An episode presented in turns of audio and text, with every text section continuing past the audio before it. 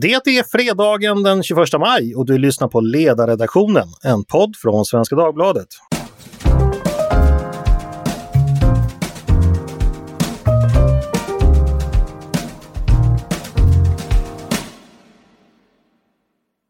Ännu en vecka har gått och än en gång är det dags att höra vad Svenska Dagbladets ledarredaktion har att säga om den.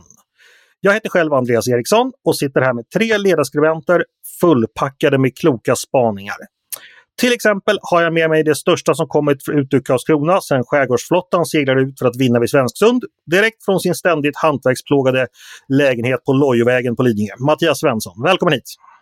Ja, men man tackar. Har du börjat slappna av inför helgen? Nej, det är inte riktigt dags än. Det låter bra, åtminstone en halvtimme till vill jag ha dig på topp.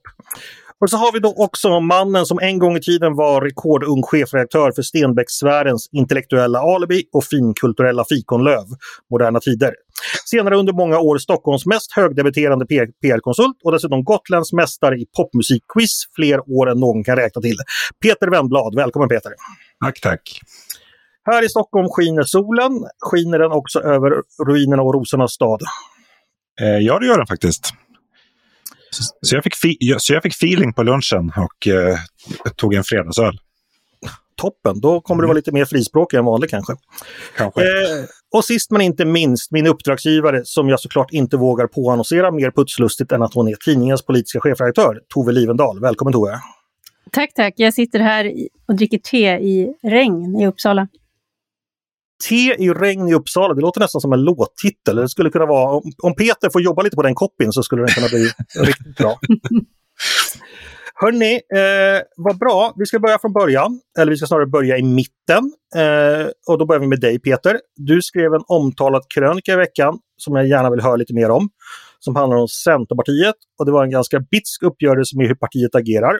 Jag tror vi kan sammanfatta den med meningen Centerpartiet profilerar sig som ett parti med fjortisar som företrädare och småbarn som kärnväljare. Och Ytterligare ett citat. I den ädla konsten att underskatta såväl sin egen som väljarnas intelligens har Centerpartiet på senare år utvecklat en rik repertoar, både i form och i sak. Vad är det som stör dig så enormt med Centerpartiet? ja, det kan man verkligen fråga sig.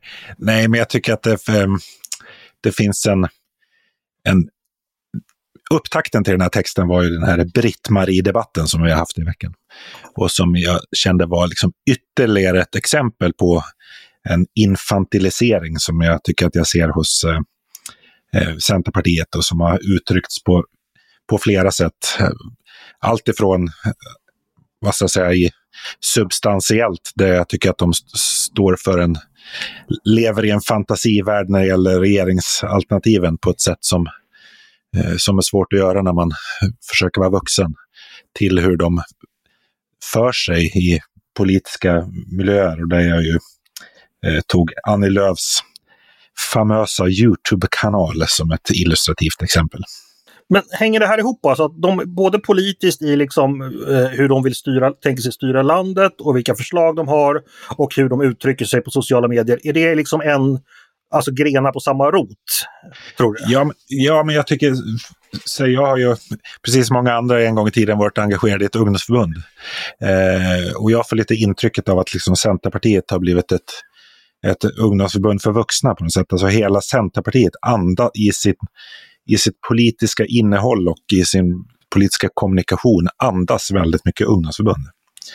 Eh, och det kan ju vara, i och för sig vara trevligt och roligt, men, men inte om man gör ungdomsförbunden är ju liksom förlåtna eftersom de inte gör anspråk på att styra Sverige. Okej. Okay. Du fick lite reaktioner på det här, eh, bland annat att eh, du förminskade Annie Lööf var det någon som sa, eller att du, andra partiledare är minst lika narcissistiska på sina sociala mediekonton. Men du vidhåller ändå att eh, Centern är någonting allra extra här alltså? Ja, det skulle jag säga. Eh, men, absolut, det finns en utbredd narcissism i, politiken. Det är ju liksom en spegling av att det finns en utbredd narcissism i samhället, så att det är inte märkligt i den meningen. Men, men Centerpartiet i allmänhet och Annie Lööf i synnerhet sticker ju ut. Mm. Ja, för många såg jag, i alla fall på Twitter, höll ju med dig och klappade på ryggen. Så det verkar som du har, ja, jag vet inte om du själv har märkt några reaktioner, men många verkar känna igen den bilden av Centern som du beskriver? Ja, alltså med, med tanke på de många reaktioner jag har eh, fått så slog jag uppenbarligen an en sträng. Mm. Som så ofta förr. Eh, jag tänkte, om, om vi köper bilden att Centern är så här så att säga. Varför är de så här? Vad ligger bakom? Eh, det, det är ju naturligtvis inte sånt man bara gör i stunden. Partier har ju strategier och planer. Vad, hur tänker de, tror du? Nej, nu tror jag i och för sig för det första att man inte ska överskatta partiers strategiska förmåga. Mycket av det som, som vi journalister försöker liksom tolka in en massa avsikter bakom, de finns ofta inte. Men med det sagt, alltså Centerpartiet, eh, man kan ju diskutera hur de gör det, men alltså i grunden har ju Centerpartiet gjort ett nödvändigt och ganska modigt val där man ju för inte alls länge sedan befann sig i en situation där väljarna dog. Alltså de dog ut. Det var en, så, det var en sån åldrad väljarskara de hade. Att de var ju tvungna, tvungna att ta ett liksom generationsskutt, inte bara liksom en generation utan flera generationer eh, De ner hoppade över liksom, Britt-Marie. Ja, exakt. eh, för att bygga upp en liksom ny väljarbas. För det är ju så att de, de eh, politiska preferenser som man skaffar sig i ungdomen, de hänger ju i hög grad kvar. Och det får man konstatera att Centerpartiet går ju ganska bra bland unga, inte minst bland unga kvinnor. Ja, exakt, för man kan ju säga att då, om då den tidigare väljarskaran eh, Sigvard dog på sin post framför traktorn någonstans i, i, på Skaraslätten så har man nu hoppat in i, i storstäderna, man har hoppat in bland ungdomar som du säger. Och framförallt unga kvinnor. Centern har ju idag nästan jag tror man är nästan dubbelt så starka bland kvinnor som hos män, eh, vilket gäller flera andra partier också. Eh, jag vet inte, Tove, vad säger, säger du? Eh, eh, köper du Peters bild av, av Centern som han beskrev den i den här krönikan och eh, vad är din analys av partiets utveckling? Ja, alltså det, att ett parti som verkligen har förändrats och också sökt förändring, det är eh, otvetydigt så. Jag har ju jag är, lite, jag är besviken ska jag uttrycka. Jag också tillhör, vi hade någon podd tidigare när vi var flera som bekände oss som gamla Centerväljare, att vi någon vid något tillfälle hade röstat på dem. Jag är faktiskt en av dem. Eh, och det handlar ju om kanske också vad man har för syn på sitt eget uppdrag och vad man ska åstadkomma i politiken. Och eh, i, mitt, i min bild så tror jag Centerpartiet har gjort det som jag i olika skeden har kritiserat Moderaterna för att göra, att man tappar sina idéer och blir mer fokuserad på makten. Och när man gör det så blir man sådär taktisk på ett sätt som inte blir så bra. Och eh, Centerpartiet har ju i, i hygglig närtid haft möjlighet att påverka politikens innehåll, till exempel när det gäller gymnasielagarna, och inte använt den makt de har haft i det sammanhanget för att göra någonting bra av det, utan gått med på dålig politik för att mm, liksom, behålla sin maktposition. Och den där sortens avvägning har jag otroligt lite respekt för.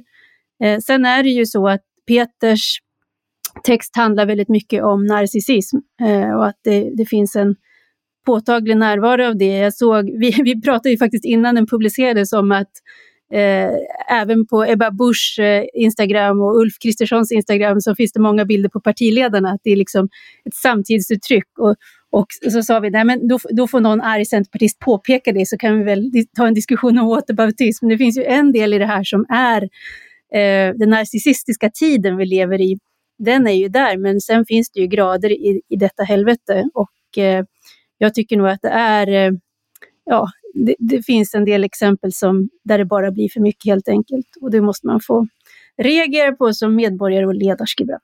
Mm. En tanke där, alltså om vi ser någon sorts allmän trend till att partierna via egna kanaler, exempelvis sociala medier, eh, segmenterar och anpassar sin kommunikation till vissa målgrupper. Eh, alltså om, om, man då för, för 30 år sedan enbart såg partiledaren en minut i Rapport en gång i veckan och alla svenskar såg det så finns ju nu möjlighet liksom att tala direkt till en massa mindre olika grupper. Om man då inte tillhör den gruppen, jag kan tänka mig liksom att Peter och Andreas i 44 år gamla eh, sura gubbar liksom kanske inte ligger i Annie Lööfs direkta målgrupp för just den här kommunikationen, då kan man känna sig lite främmande för den kanske. Eh, Peter, vad tänker du om det? Alltså, finns det en risk där att man när man försöker attrahera vissa väljargrupper eller vissa befolkningsgrupper eh, gör andra sura helt enkelt på ett sätt som kanske inte är tänkt? Eller ser du den problematiken överhuvudtaget? Eh, ja, alltså det gör det ju. Eller jag, jag, kan liksom se den problematiken ur, ur partistrategernas perspektiv. Att, att det där är en ganska svår eh, avvägning. Att du, just att kunna ha ett varumärke, vad säger, en, en eller ha vad ska jag säga, massa olika profiler mot o, olika publik, men samtidigt som blir en som det ska vara en, en helhet som håller ihop. Liksom. Det, är ju, det är ju inte lätt. Nej. Eh, Mattias, vad är din tanke om Centerpartiet?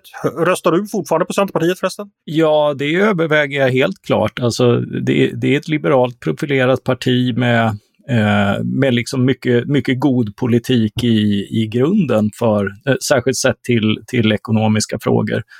Eh, och eh, det, det får inte glömmas bort i, i det här. Liksom. Alltså det, den, den splittring som har kommit upp är lite grann en, ett resultat av det parlamentariska läget. Det är ju inte så att Moderaterna alltid har varit i krig med Centerpartiet som det kan låta på vissa partistrateger.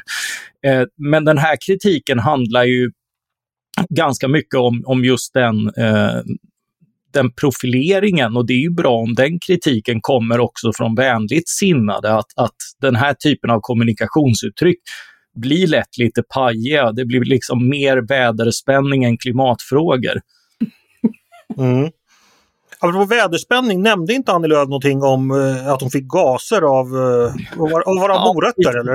Det, det, var, det var lite grann det, det, det, eh, de metanutsläppen som jag alluderade till. i den Aha, okej, okay. ja, det fattade förstås inte jag. Hon fick, hon fick ju hicka av morötter och så är hon då laktosintolerant så att det blir ju Eh, kan bli lite känsligt i magen när hon äter mjukglass bland annat.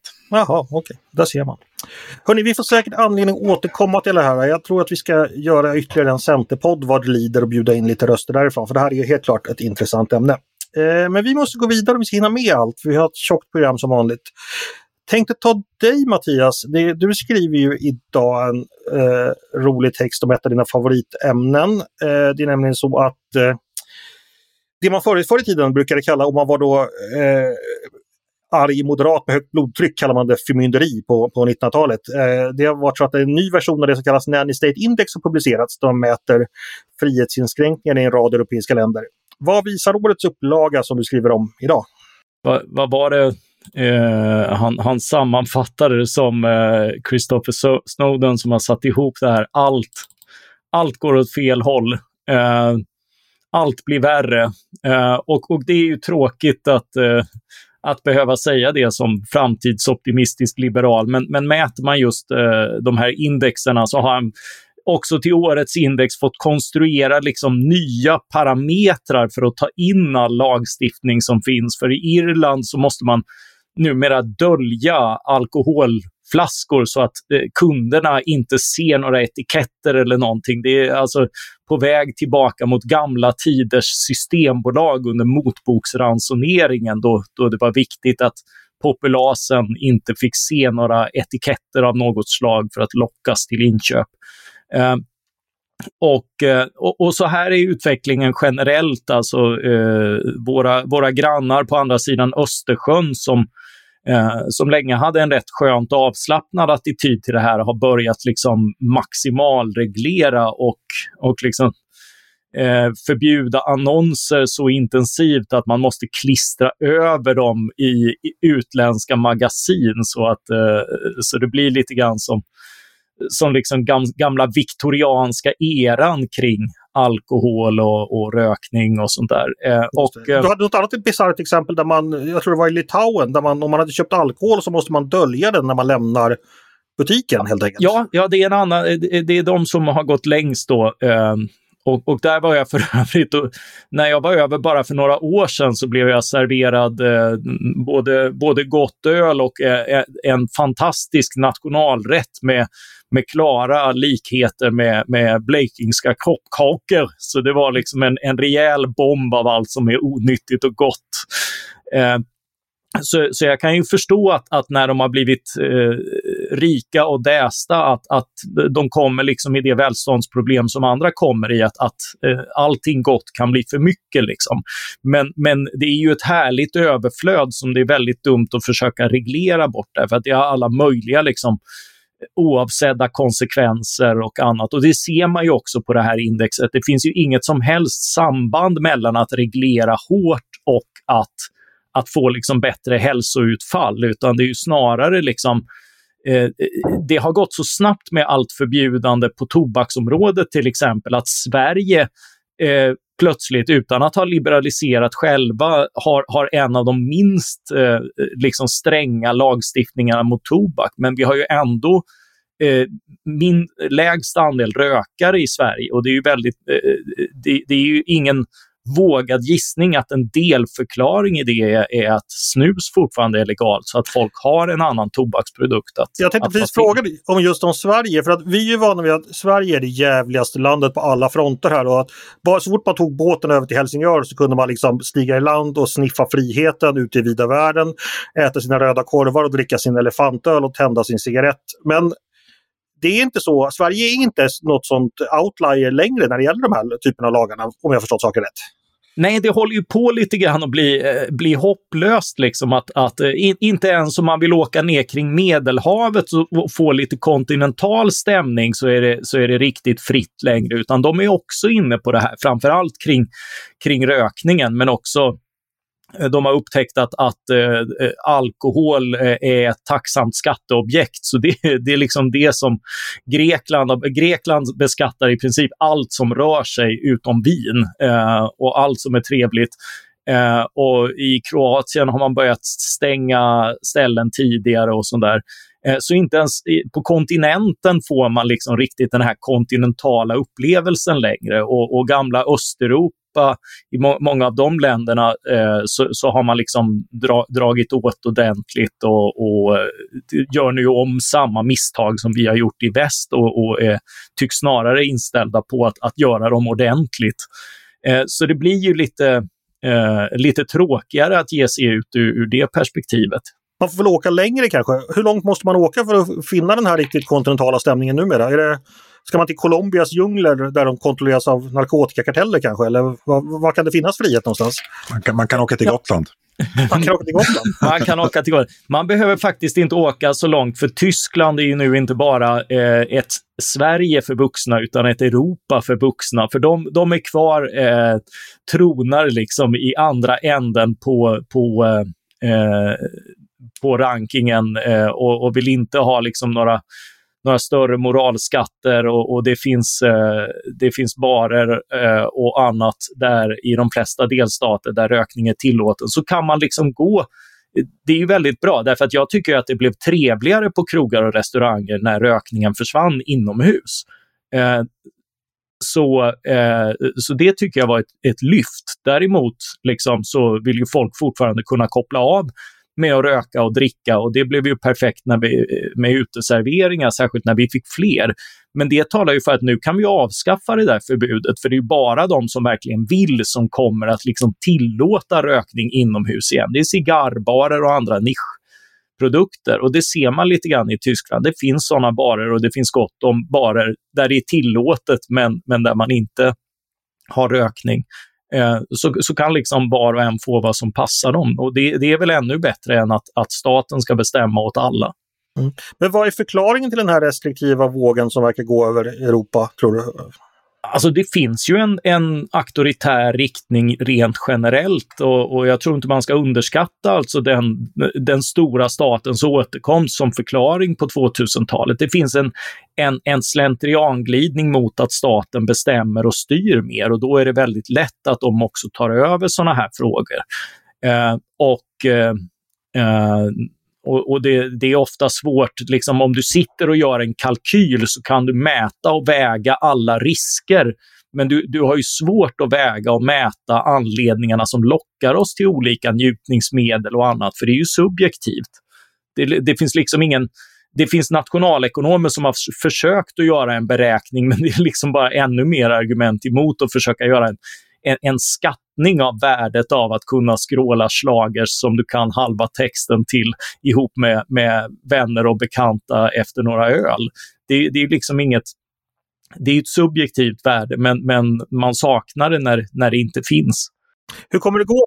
Kommer vi nå en punkt, eh, eller kommer även andra länder nå en punkt som, som vi gjorde i Sverige, att någonstans blev regleringarna, de gick för långt, de blev för absurda, de blev kontraproduktiva och så börjar man långsamt liberalisera igen. Är det den resan du ser framför dig? Att andra länder... jag, jag, jag är inte säker därför att militansen kan alltid drivas längre. Det har vi ju sett med drogförbudet som ju liksom har, har varit militant i 40 år och, och det har inte hänt. Det börjar hända saker nu liksom, men det är ju väldigt, väldigt länge. Det, finns... det har ändå ändrats. Den har ju nått en sorts ex ja, ja, den, den, har nått, den har nått lite grann, men jag menar inte ens gängkrig och, och, och eh, rekord i dödsfall får, får liksom ett svenskt riksdagsparti att tänka om. Så det är ju oerhört tröga processer åt det hållet.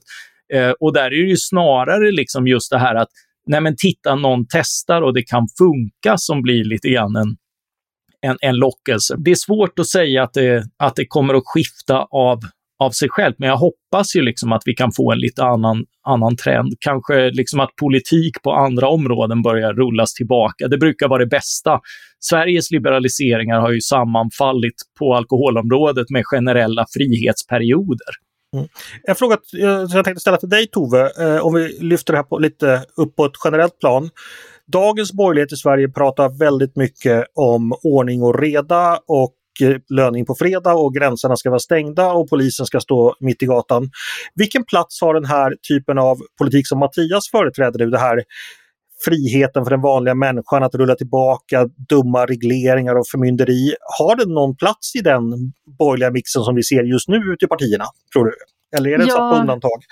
Nej, men det, den bör ha en jätteviktig plats därför att eh, om man utgår ifrån det här, den här uppdelningen av samhället som Hans L. Zetterberg gjorde och man tittar på vad olika samhällssfärer har för roll och för legitimitet i samhället så är det ju då politikens sfär, den legitimerar sig genom att den skapar ordning. Och det är därför vi har det här inflaterade språkbruket om just ordning och reda i finanspolitiken, migrationspolitiken eller vad det nu kan vara. Och där finns det en uppenbar risk att man i lockelsen och iven att signalera att vi är de som står för ordning eh, försöker komma med en statlig ordning på områden där det inte behövs. Och där man då istället blir det här både nanny state eller tar den här nudge-viljan liksom för långt och tänker att vi vet ändå vad som är bra. Det här myrdalska, ja men eh, om människor inte vet att det är bra för dem att äta tomater, då får vi berätta det för dem. Alltså det här liksom förnumstiga. Eh, och där tycker jag det är jätteviktigt att borgerligheten som ju ändå ska Eh, utgår från att samhället är mycket större och viktigare än staten, håller emot och står emot frestelsen att själv bli de här närnisarna som tror att de vet vad som är bättre. Jag såg igår faktiskt ett positivt tecken på det. Det var en... Eh, för här finns ju också, eh, jag menar, i den här iven att, att felsöka problem, att politiken ska bringa ordning, så där samspelar ju journalistiken. Och igår på Aktuellt så var det ett inslag om A-traktorer Eh, jag minns ju när jag eh, fick tuffa runt i en epatraktor i Arbro att jag åkte väl i och för sig då med, med, med grabben som hade byns enda otrimmade epa, så det tog väldigt lång tid att ta sig från Arbro till Bollnäs. Men det var ju en del som försökte trimma, men det krävdes ganska mycket jobb. Nu för tiden så är det enklare tydligen att bygga om en Volvo till en A-traktor och man kan då med hjälp av bara en så fjärrstyrning få upp dem till över 100 km i timmen. Och det tror jag vi alla känner att det är inte toppen att 15-åringar utan körkort åker runt i sådana höga hastigheter. Men då intervjuade, då var hela upp, eh, reportaget var liksom upplagt för att det skulle landa i något så förbud mot A-traktorer eller sådär. Men den polis som intervjuade, som hade hand om mycket av det här, han stod emot och sa att vi ska inte glömma att det här är ett sånt litet liksom, mängd det rör sig om och då får vi liksom bli bättre på att hitta de som alltså hitta tekniker eller vad det nu är för att komma till rätta med just det. Men de stora flertalet som upplever en fantastisk frihet i att ta sig runt med A-traktorer när de är 15. Vi kan liksom inte begränsa samhället bara för att några missköter sig. Och det där tror jag är en mm. jätteviktig sak för borgerligheten att stå fast vid. Mm, det låter som en väldigt klok polis. Hörni, vi måste gå vidare. Eh, och vi ska prata om någonting ganska allvarligt som faktiskt som hänt i veckan för vår egen del. Eh, på fredagar brukar vi ha ett lite lättsamt inslag som vi brukar kalla Så funkar en ledarredaktion. Eh, där Tove berättar om hur vi arbetar. Den här gången är det väl snarare Så ska en ledarredaktion inte funka, men tyvärr blev det så den här gången.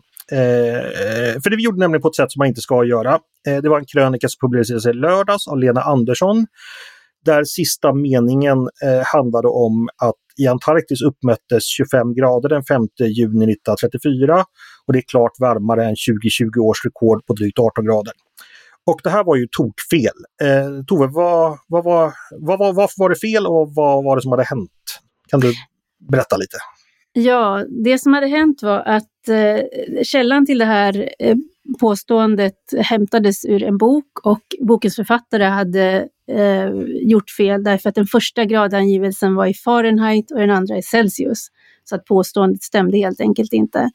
Och eh, det här, eh, det, det, är ju så, vi läser ju eh, ganska noggrant och vi är ganska många som lär sig de texter som publiceras även av externa skribenter och det är ju just för att kolla att fakta och argument håller ihop och att vi lägger fram texter som är rimliga inlägg i debatten och som man kan lita på är liksom underbyggda. Och här hade vi fallerat helt enkelt i, det, i, den, i den läsningen. Och det här blev vi uppmärksammade på eh, på lördag kväll av en eh, uppmärksam twittrare som eh, slog larm och eh, då satte vi oss genast och tittade på detta och försökte ta reda på, är, stämmer det att det är fel och i så fall hur har det blivit fel och, eh, och så. Och eh, då kan man säga att i, i, mitt i detta så ett litet kort ögonblick, för man vill ju helst inte ha fel, såklart, så trodde vi att nej men det var nog rätt ändå. Vi skulle bara, det skulle vara Fahrenheit på båda ställena. Tanken gick snabbt och ostrukturerat och stressat kan man säga. Och eh, i det tillfället så passade jag också på att skicka ut en liten dräpande tweet mot den som hade uppmärksammat oss på felet som jag några sekunder efteråt eller någon, någon minut fick ta bort. För att det, var, det, ja, det blev bara galet. Så det var, en, det var en dålig hantering. Sen gjorde vi enligt konstens alla regler. Vi rättade felet, var tydliga med eh, att skriva ut att det var ett sakfel och rättade i papper och så vidare. Så att det, det, det hanterades väl sen. Men eh, den första initiala vi fallerade två gånger kan man säga, både i att när vi publicerade texten och inte hade koll att allting stämde och sen i den omedelbara hanteringen. Mm. För då tänker jag, det här kan ju då leda till att människor då som står kritiska kanske till ledarsidan får vatten på sin kvarn. Alltså om man säger att Svenska Dagbladets ledarsida inte tar klimatfrågan på allvar, vilket jag har sett folk påstå att vi inte är tillräckligt bra pålästa och så vidare. Eh, och nu är det faktiskt så att vi har ju till och med den här gången var vi inte pålästa helt enkelt. Alltså vi, vi, det var ju siffror som var helt fel. Det var dessutom ganska orimliga siffror att det skulle varit 25 grader varmt den 5 juni vilket då, det är ju vinterhalvåret på södra halvklotet. Var det verkligen ingenting som, var, var, fanns det ingen larmklocka någonstans som, som skulle det, det, var, alltså, jag får ta på mig det där lite grann, för det var, eh, det var just det här med 1934. Det är, det är ett år som ofta dyker upp i, i klimatskeptikersammanhang eh, och argumentet är då att det var väldigt varmt i USA den sommaren. Eh, okay. Och Eh, och, och sådär. Eh, och eh, när jag läste med ett halvt öga på, på det så tänkte jag att äh, men det här känner jag igen. Och också liksom tänkte jag, det blir så här när man känner igen någonting och så tittar man inte på man tycker sig ha sett resten så, så man, man läser inte så noga.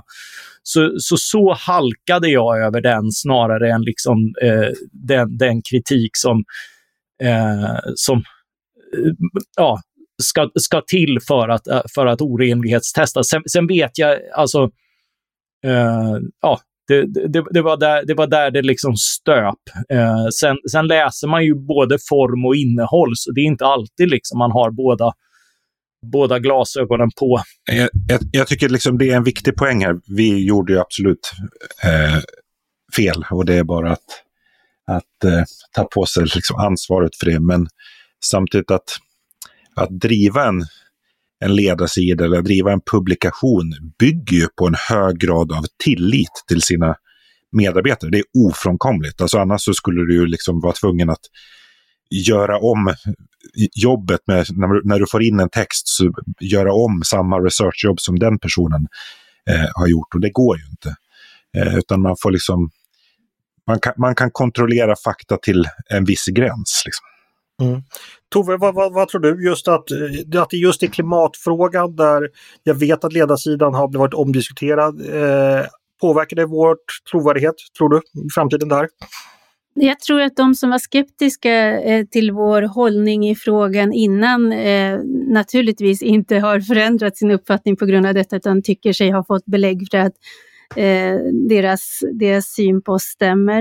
Eh, men jag tänker ju att jag, jag har ju nu varit här i, ja, eh, sedan 2013 och varit med om flera olika stormar och eh, perioder där, där ledarsidan har fått mycket kritik för sin position i olika frågor. Och eh, det blir liksom ett eh, oresonligt tonfall och, och sådär. Eh, så att jag känner mig väldigt lugn i att eh, har man ett gott uppsåt, har man en bra intention att tillföra debatten goda perspektiv och, är, eh, och, och, absolut inte har någon vilja att vilseleda, då, då märks det i längden. Och det, så jag känner mig lugn. Jag, jag gjorde faktiskt, jag hade en intern dragning här i veckan, eh, berättade lite grann för kollegorna vad som hade hänt. Och då listade jag fyra stycken lärdomar som jag tänker, då kan jag dela med mig av dem till poddlyssnarna också. Eh, och den första är då att om man har hög svansföring måste man vara ren i stjärten. Det är ett sånt där mustigt uttryck, men det säger ganska mycket. Och eftersom vi hela tiden håller oss med ganska hög svansföring, det är ju så att uttrycka åsikter, det är ju det, så får man liksom bli ännu bättre på att eh, ja, hålla rent om man uttrycker sig så. Eh, den andra punkten är att tänka snabbt men twittra långsamt och ibland helst inte alls. Det är en lärdom som jag själv fick då erfara i lördags en extra gång. Nummer tre är att erkänna prestigelöst när du har fel i sak.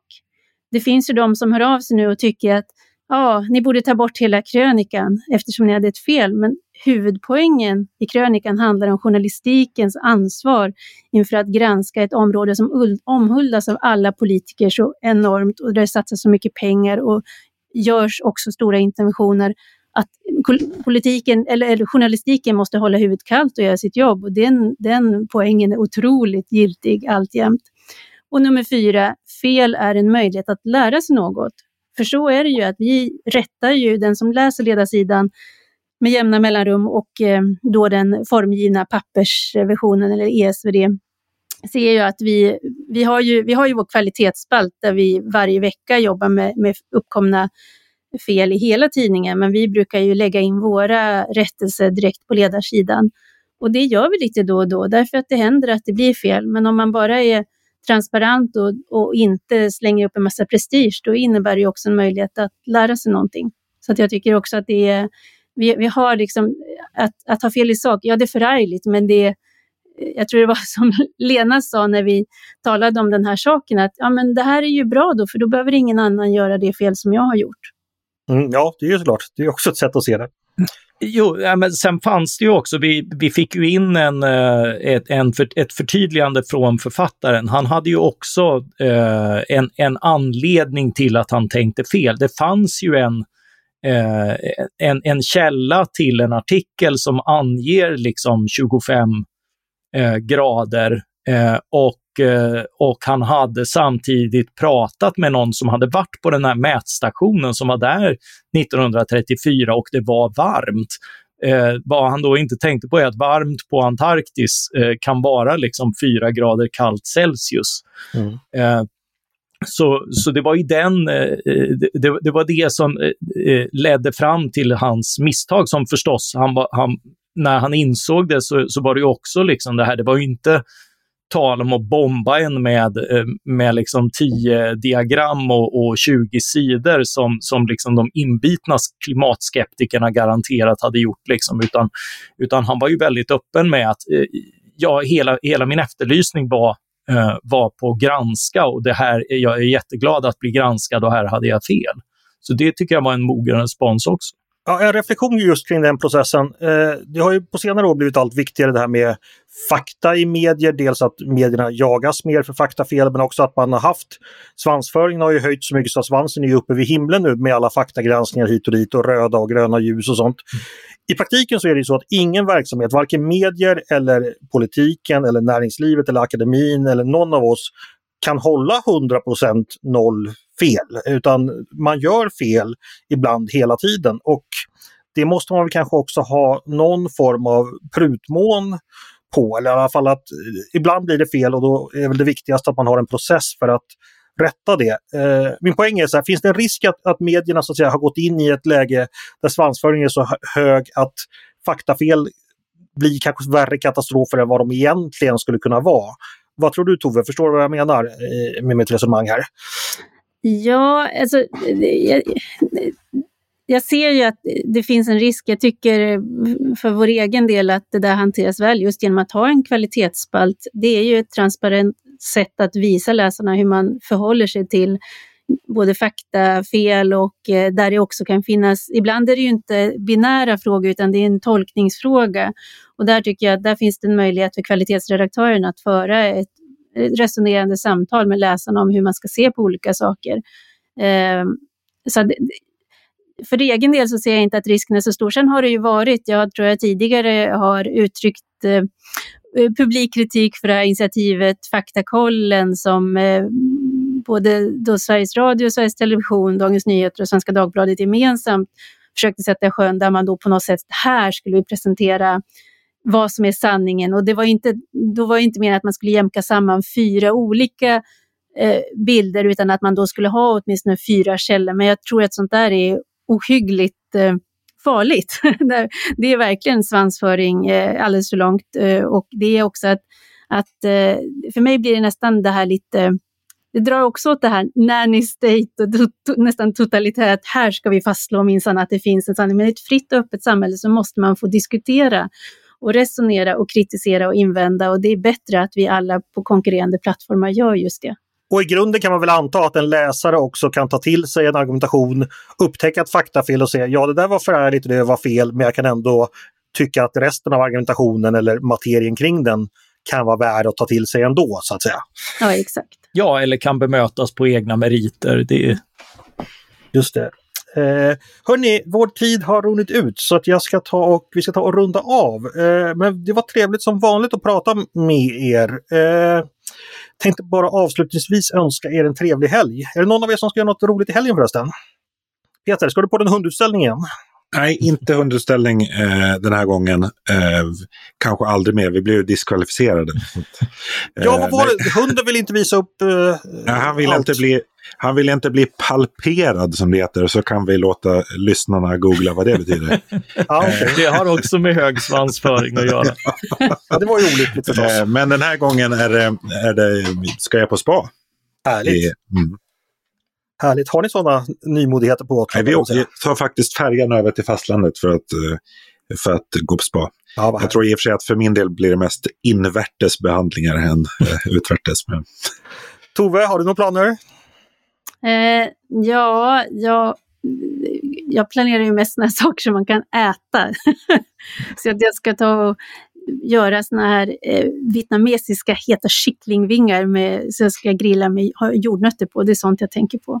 Gud vad härligt. Mm. Eh, Mattias då? Eh, jag har ingen Jag har inte tänkt så långt, men eh, det, det blir väl jobb antar jag. Så talar en sann svensk klockan 15.52 en fredag eftermiddag. Själv? Ja, jo, men på helgerna får man jobba med lite vin. Jag ska förhoppningsvis i alla fall inte sitta på lördagen och, och rätta sakfel och eh, fultwittra. Det ska jag försöka undvika. Då ska jag sitta med mina barn och titta på eh, Eurovision. De har stora förhoppningar på, på Tusses låt. Jag försöker dämpa dem lite för det, han är ju, tillhör ju inte favoriterna men vi hoppas ju att det går bra ändå. Jo, en, en sak. Eh, eh, Tove har ju varit vänlig att skicka, eh, låna ut eh, Döda Poeters sällskap. Så den, eh, den ska jag nu inviga min son i. Så det blir lite, mm. Lite DVD-tittande på DVD, det låter så 1900-tal alltså. nu, ja, men filmen är ju också 1900-tal. Nu kommer pappa med DVD-filmerna, då, då låser barnen in sig.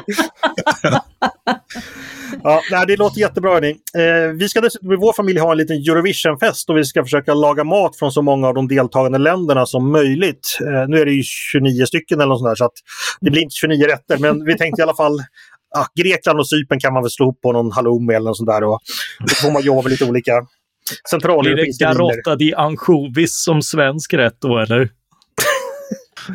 Eh, det där är någon referens till en gammal progglåt, va? Eller? Ja, det är ju Sillstrypan. Ja, eller som spanjorerna säger, Garotta di Anchovis. Ja. Som sjunger the, the omoralisk, Doing the omoralisk mm, schlagerfestival. Och här kommer ABBA i kläder och plast. Lika döda som cellkonserver. De skiter också i allt, vill göra snabba stol. Det pyr i mina franska nerver. Ja, doing the moralisk schlagerfestival. Ja, kom igen nu gubbar! Med de tonerna säger vi tack för idag hörni. Eh, jättekul att ni var här och jättekul att ni har yes. lyssnat. Ni har lyssnat på Ledarredaktionen, en podd från Svenska Dagbladet och Tältprojektet. Ni är varmt välkomna att höra av er till redaktionen med tankar och synpunkter på det vi precis diskuterat och sjungit. Eller om ni har idéer och förslag på saker vi ska ta upp i framtiden. Mejla då bara ledarsidan snabel svd.se. Tack för idag hörni! Producent har varit Jesper Sandström. Jag heter Andreas Eriksson. Jag hoppas att vi hörs igen snart, redan nästa vecka kanske. Hej då!